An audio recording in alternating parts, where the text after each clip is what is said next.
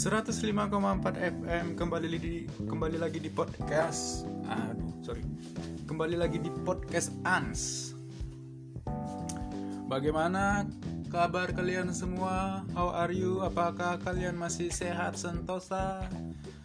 Yang masih stay at home? Gua apresiasi dari sini perjuangan kalian di gue akui jempol dan kalian masih menghargai pahlawan garda depan yaitu tim medis kita. Karena miris ya kondisi saat ini tuh bener-bener miris. Karena um, banyak orang-orang yang melanggar PSBB ya. Uh, dan tidak memenuhi tidak tidak mengikuti aturan gitu loh. Tidak mengikuti aturan protokol dari kesehatan atau dari Kementerian Kesehatan negara kita nanti kalau udah sakit nah baru dia tahu rasa. Baru dia sadar dan minta ampun ya. kadang orang harus ngalamin dulu dia baru bisa sadar.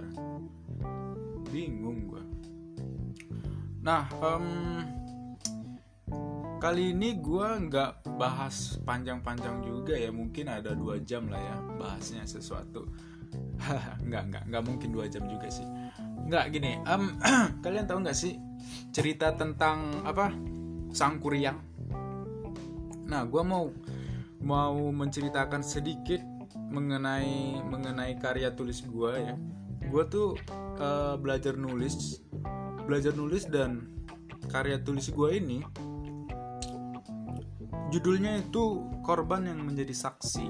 Nah itu tuh gue terinspirasi dari film uh, aduh gue lupa lagi judul filmnya. Pokoknya intinya film ini menggambarkan sebuah kisah seorang seorang apa uh, seorang yang seorang Tionghoa yang tinggal di Indonesia dan berhasil membangun sebuah perusahaan yaitu perusahaan jasa perusahaan uh, perbankan yang saat ini kita kenal yang namanya uh, bukan si IMB NCBC gitu. Anjir gua lupa lagi aduh pokoknya itulah dia berhasil membangun sebuah perbankan. Padahal dia tuh dulu adalah seorang yang sangat sederhana. Bisa dikategorikan adalah orang yang miskin tapi dengan keuletannya dengan kegigihannya dia tuh berhasil ya, tergolong orang yang sangat berhasil. Dan dan dia menjadi salah satu orang terkaya mungkinnya yang ada di Indonesia. Nah makanya gue ingin membuat karya tulis yang ya hampir-hampir mirip seperti itu tapi tidak menjurus ke ke ke te, apa ke apa e, perjuangan seseorang gitu. Lebih ke fiksi yang menceritakan tentang seorang putri yang seorang putri dari dunia bukan dunia manusia melainkan dunia dunia lain ya. Seperti itu. Oh uh, tadi udah ini udah uh, ya uh, ya. Gue kadang bingung bukan bingung sih. Lebih ke gue kan kalau misalnya buat podcast itu kalau iseng-iseng aja ya. Jadi tidak ada persiapan yang mateng. Jadi spontan aja gitu natural aja. Karena apa yang mau gue bahas apa yang mau gue omongin omongin aja ada enggaknya pendengar itu tuh bukan salah satu tujuan gua. Tapi satu satu tujuan gua yaitu adalah bagaimana caranya gue itu bisa berkarya. Dan setiap hari ada karya yang gua hasilkan dan gua share dan gua bagikan. Nah salah satu project salah satu karya yang ingin ingin gua seriusin bukan seriusin juga sih lebih ke lebih ke lat lebih ke latih gitu ya itu itu karya rap Nah, bagi kalian yang ingin mendengar atau melihat rap gue itu ada di Instagram gue yaitu Andika underscore Sitepu 96 Nah di situ ada karya rap gue baru dua sih dan pengennya bakalan update setiap hari. Nah untuk uh, konsep rap gue ini tuh uh, gue tuh membuat sebuah rap hampir sama sama sama rap yang sempat viral juga di Instagram itu. Yang dia tuh rapnya topiknya tuh adalah topik eh, berita-berita hangat di hari ini gitu loh yang viral gitu loh. Jadi dia dengan konsep informasi yang sedang viral dia buat sebuah uh, rap. Dan itu keren banget sih menurut gue ya mungkin se dengan seiringnya waktu gue akan merubah konsep gue ini dengan karakter gue sendiri. Nah gue juga uh, refleksi gitu loh untuk menciptakan sebuah karakter sebuah ka kar karakter karya gitu loh. Di karya gue itu berkarakter. Itu gue untuk memulainya gue harus melihat orang dulu. Ya karena mau bagaimanapun kita tuh tidak bisa berdiri sendiri. Kita harus ada bantuan orang lain. Contoh yang sangat-sangat sederhana adalah ketika kita belajar naik sepeda kita kita harus ada orang lain gitu loh yang yang setidaknya menuntun kita, membimbing kita bagaimana cara-cara atau tips-tips untuk bisa naik sepeda atau mengendarai sepeda dengan lancar. Nah, begitu juga untuk sebuah karya. Untuk sebuah karya itu tidak perlu kita langsung nge-booming wow gitu loh. Langsung viral, langsung viral.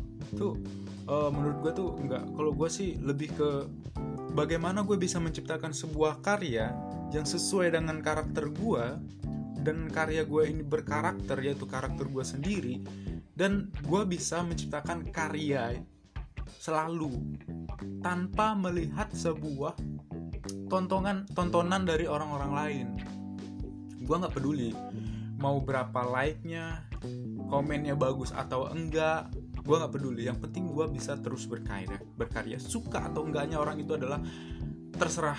Itu uh, apa namanya hak orang lain gitu loh. Gue nggak nggak nggak nggak berkua nggak nggak berhak juga meminta mereka untuk menyukai karya gue yang penting gue tetap berkarya. Intinya itu. Ya cuma itu sih yang mau gue share hari ini. Untuk kalian untuk kalian yang mendengar. Eh tapi gue juga heran ya setelah gue lihat analisis di podcast gue ini ini kan podcast gue ketika gue terbitkan ini bakalan ada di Spotify ada juga di eh, aplikasi-aplikasi uh, streaming uh, yang sejenis dengan Spotify. Tapi tapi tapi tapi tapi uh, apa namanya didengar oleh orang-orang bule Nah kemarin tuh gue cek-cek ada satu orang bule yang membuat podcast gue ini favorit. Nah thank you banget ya bule udah membuat podcast gue ini menjadi salah satu podcast favorit lu. Emang tapi gue masih bingung. Emang lu ngerti apa yang gue yang gue omongin? Atau mungkin lu ada aplikasi untuk penerjemah kali ya? Ya, ya nggak apa-apa lah, nggak apa-apa dan itu bukan salah satu salah satu apa namanya tujuan gue untuk didengarkan oleh orang luar negeri. Gue mah yang penting gue bisa berkarya setiap hari.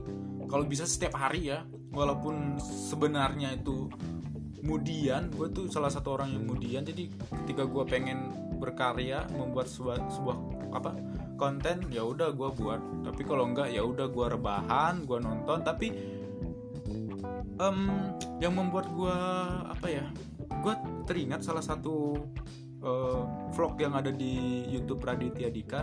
Dia bilang itu kalau misalnya kita ingin berkarya itu jangan berhenti. Jangan berhenti harus konsisten. Kalau kalau setiap hari ya setiap hari. Kalau dua ka, dua kali sehari eh kalau dua kalau satu kali dua hari ya udah konsisten dengan itu. Makanya gue juga ingin ya ingin menjadi konsisten seperti itu. Sip Thank you untuk semua yang telah mendengar. Semoga tetap sehat selalu. God bless you. Thank you.